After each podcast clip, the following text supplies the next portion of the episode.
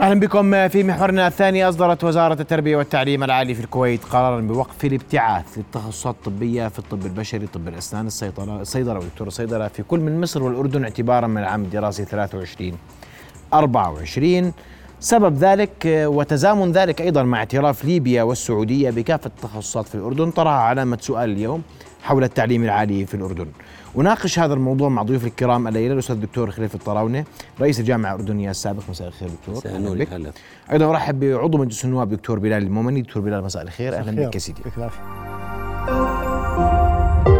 رؤيا بودكاست. أبدأ معك دكتور خليف. وأنا لأنه في مرات أخبار تأخذ صدى أكبر من حجمها. صحيح. صحيح؟ 100% فإحنا اليوم عندنا ثلاث أخبار متفرقة خلينا نسميها. نعم. كلها تصب في وعاء التعليم العالي. ليبيا تعترف بكل التخصصات في الأردن. السعودية تعترف بكل التخصصات في الأردن. والكويت توقف الابتعاث عشان نوضح الأمور ونسميها مسمياتها.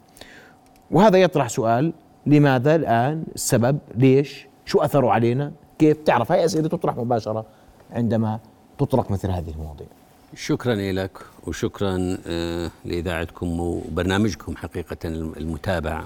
تسلم أنا بعتقد إنه سؤالك يمكن نجزئه إلى آه عدة أجزاء، الجزء الأول ما يخص الكويت نفسها وهذا قرار سيادي للكويت إحنا بنحترمه وهي دولة شقيقة، دولة لنا إحنا وياهم علاقات تربطنا إياهم علاقات قوية واخويه آه وعلاقات بين قيادة الشعبين.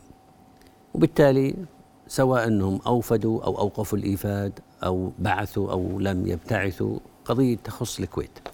لكن ما يهم الأردن ما يهمني أنا كأردني أنا بدي أخذه من عدة زوايا الزاوية الأولى أنا اليوم عندي ما يقارب 400 ألف طالب ملتحق بالجامعات الأردنية والكليات الجامعية في تقريبا 41 مؤسسة تعليم عالي لأن من هذا المكون الطلابي عندي فقط 38 ألف طالب وافد. من 38 ألف طالب وافد عشرين ألف بالقطاع الخاص 18 ألف بالقطاع الحكومي. من ال 38 ألف اللي بالقطاعين منهم 3500 طالب كويتي. برضو 2300 في القطاع الخاص و1200 بالجامعات الحكومية أو الجامعات الرسمية. إذا إحنا بنتحدث عن عشر المكون الطلابي في المملكة الأردنية الهاشمية. طبعا مع كل الاحترام والتقدير لدولة الكويت الشقيق سواء أوفدوا أو لم يوفدوا لن يؤثر لا على سمعة التعليم العالي الأردني بالمعنى العام ولا على إيرادات التعليم العام. أنا بدي أفترض أنه 3500 طالب الكويتي وهم أبنائنا وأخواننا وأشقائنا لهم منا كل المحبة لهم منا كل الدعم لهم منا كل الجهوزية. بدي أفترض كلهم موفدين. وكلهم بالقطاع الحكومي. كلهم موفدين. وكلهم بالقطاع بالجامعات الحكومية. ستيل رقمهم يشكل عشر المكون الطلابي. فما بدنا يعني نضخم في الحدث. لكن ماذا يجب أن نستفيد من قرار حكومة الكويت الشقيق؟ بدي أسمع منك هذه الإجابة بس قبلها بدي أنتقل للدكتور بلال. دكتور بلال سؤالي كلما يصدر خبر مثل هذا الخبر نطرح علامة سؤال وتعجب واستفسار عن حال تعليمنا العالي اليوم. شو حالنا اليوم؟ بداية مساء الخير إليك أخونا. مساء النور. يعني أخونا وصديقنا الأستاذ الدكتور خليفة الطراونة الله يعطيه ألف عافية. والله شوف يعني أنا بديش أخفف أو إني يعني أقلل من حجم المشكلة لأنها مشكلة كبيرة بصراحة. وين المشكلة؟ أنا بدي أحكي لك. أه بدي أرجع فيك للعام 2022 الملك في رسالته جلالة الملك. في الرسالة اللي وجهها للشعب الأردني كان واحد من أهم مضامينها بيقول جلالة الملك فيها كيف نستعيد صدارتنا في التعليم؟ وأنا برأيي أنه الملك هون علق الجرس على هذا الأمر. كان في استشعار للخطر. لا شك إنه بالفترة الأخيرة في تراجع عندنا. بدناش نقول إنه إحنا بخير يعني بدناش نضل نقول إحنا والله وضعنا كويس وبخير وإحنا المشاكل موجودة وبحاجة للمعالج. حتى لو كان عشر يعني آه عشر الطلاب أو واحد بالمية من الطلاب كويتيين. هذا بيأثر. آه بالنهاية هذه حلقة مكملة. أنا بدي بدي أرجع فيكم للعام 2019 لما الكويت وقطر أصدروا قرارهم باعتماد فقط خمس جامعات للدراسة للطلبة الاردن للطلبة الكويتيين والقطريين في الأردن.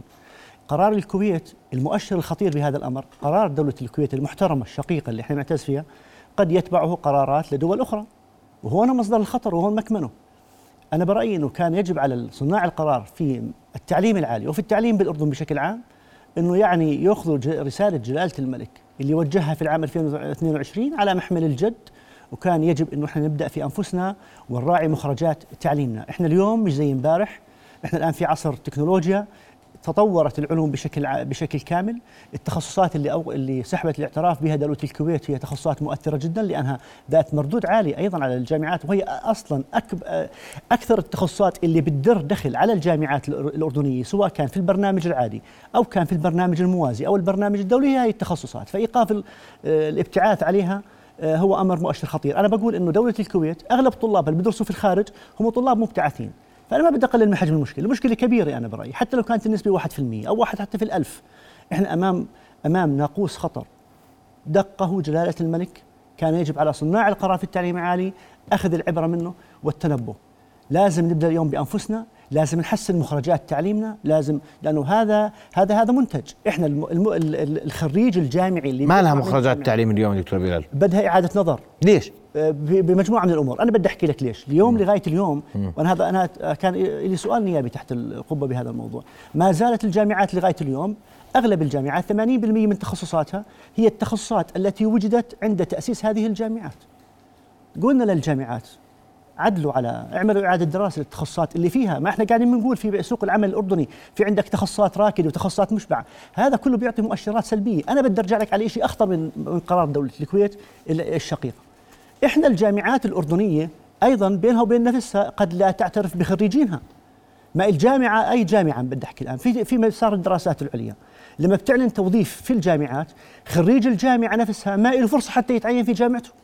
كيف يعني؟ يعني أنا بدي أحكي لك و- وسأطرح على سبيل المثال الجامعة الأردنية تعطي الأولوية في التعيين لخريج ماليزيا مثلا مع الاحترام وخريج بريطانيا وأمريكا ولكن خريج الجامعة الأردنية نفسه قد يفقد فرصته في التعيين لأنه غير منافس.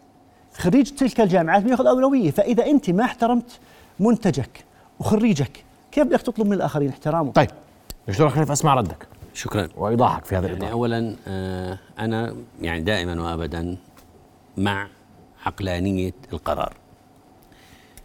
ومع عدم جلد المؤسسات أنا بعتقد إنه تعليمنا العالي بشكله العام وتعليمنا الصحي بشكل خاص في القطاعين العام والخاص بخير ومبشر.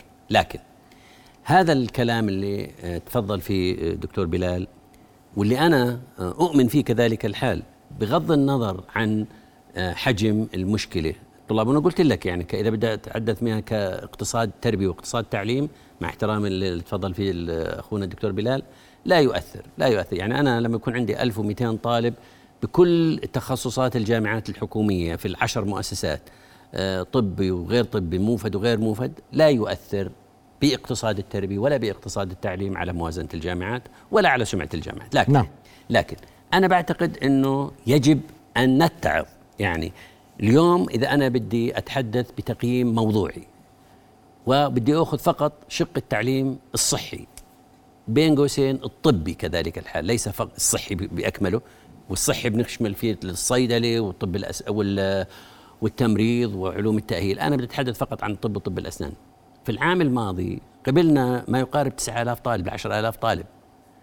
هل فعلا عندنا جاهزية في مستشفياتنا وفي كلياتنا وفي آه، مختبراتنا لنستوعب هذا الكم الهائل من آه، أعداد الطلبة؟ الجواب المباشر لا لم نكن جاهزين، اذا لما آه، قبلنا ذلك؟ أنا بعتقد لأنه بدنا نرضي النواب وبدنا نرضي ال- ال- الطلاب التوجيهي وبدنا نرضي الأهالي، يعني لم يكن قرارا عقلانيا بالمعنى. إحنا يعني بناخذ قرار عشان نرضي؟ نعم هذا القرارات نعم هذه قرارات يعني أنا بقول يفترض أنه يساءل فيها الناس اللي اتخذوا مثل هذا القرار. شق رقم اثنين إحنا بنتحدث اليوم آه عن ذكاء اصطناعي وبنتحدث عن آه يعني تقنيات حديثة جدا وبنتحدث عن عالم آه معاصر. أنا بعتقد أنه آن الأوان أن يعني تأخذ الحكومة زمام المبادرة وتدعم القطاعين العام والخاص خصوصا بما يخص التخصصات الطبية. اليوم عندنا جامعات خاصة. عندنا اليوم جامعتين خاصتين جامعة العقبة واللي بدأت بعدد يعني مقبول من الطلبة وكذلك الحال جامعة ابن سينا. لما بتكون عندي جامعة العقبة اليوم على جاهزية عالية مثلا آه، في التخصصات الطبية لما لا تدعم؟ لما لا نوزع الأحمال اللي موجودة في الجامعات الرسمية بين القطاعين؟ ما دام نتحدث عن شراكة ما بين القطاعات. إحنا اليوم نتحدث عن أزمة ليست أزمة الجودة فقط. نتحدث عن أزمة التنافسية داخليا. يعني إحنا بدل ما تكون الجامعات الحكومية والخاصة بالمعنى العام آه، تكاملية أصبحت تنافسية. لما بشوف بالعقبة عندي أربع جامعات اليوم لما بشوف عندي بشارع المطار لحاله كذا جامعة بشارع الأردن كذا جامعة. آه، كلهن بدرسن نفس التخصص. كلنا إذا في قصة في عندنا مشكلة. أنا بعتقد مناسب أنه مجلس التعليم العالي الموقر هيئة الاعتماد بكافة يعني كوادرهم وشخوصهم الموجبة المقدرة المحترمة أنهم يضعوا يدهم على الجراح الحقيقية. أن نضم جراحنا بغض النظر أنه ردة فعل اليوم الدولة الفلانية أخذت قرار أو لم تأخذ الدولة الفلانية قرار. أنا بقول أنه تعليمنا بخير لكن حتى يبقى بخير لابد من أن يحسن من أدواته. لابد من أن نقلل أعداد الطلبة الذين يقبلوا في التخصصات كاملة بما في ذلك الصحية ومن بينها الطبية. لابد من أن نحسن من مختبراتنا ونطور من اداءاتها لابد من أن نعتني ونهتم بالعنصر البشري. أعضاء هيئة التدريس الإداريين المشرفين بدنا نأهلهم بدنا ندربهم بدنا آه يعني بدنا حملة وطنية للإيفاد. هذا الحكي اللي بيحصل لنا ضمان جودة مستمرة. طيب. أما ضمان الجودة الآنية أو القرار الآني سواء أنه من دولة الكويت الشقيق أو من دولة المملكة العربية السعودية أو من أي دولة أخرى هذا ثانوي أنا باعتقادي وإن كان مهم. لأنه أنا اليوم كل اللي موجودين عندي الأصل إنه في خططي يكون عندي ال 40000 أو 80000 أو 100000 طالب. مشان أقول إنه أنا صار في عندي سياحة تعليمية مشان يصير يقول عندي في اقتصاد تربيه واقتصاد تعليم آه، وازن. أما أنا ما دام إنه بتحدث عن الأعشار مع واحد يعني بيقول لك أنا عندي مشكلة مالية بالجامعات الحكومية فلو زادت والله مليون ولا اثنين ولا عشرة مليون مش مفرقة كثير. الفكرة إنه أنا حتى أتمكن من البقاء في سوق المنافسة العربية والإقليمية والعالمية. لابد من أن تكون لدي برامج تكاملية داخل الوطن. واضح. لابد أن يكون لدي برامج تنافسية مع الإقليم والعالم. سأسمع تعقيبك دكتور بلال بعد فاصل قصير. فاصل وأنتم نواصل ابقوا معنا.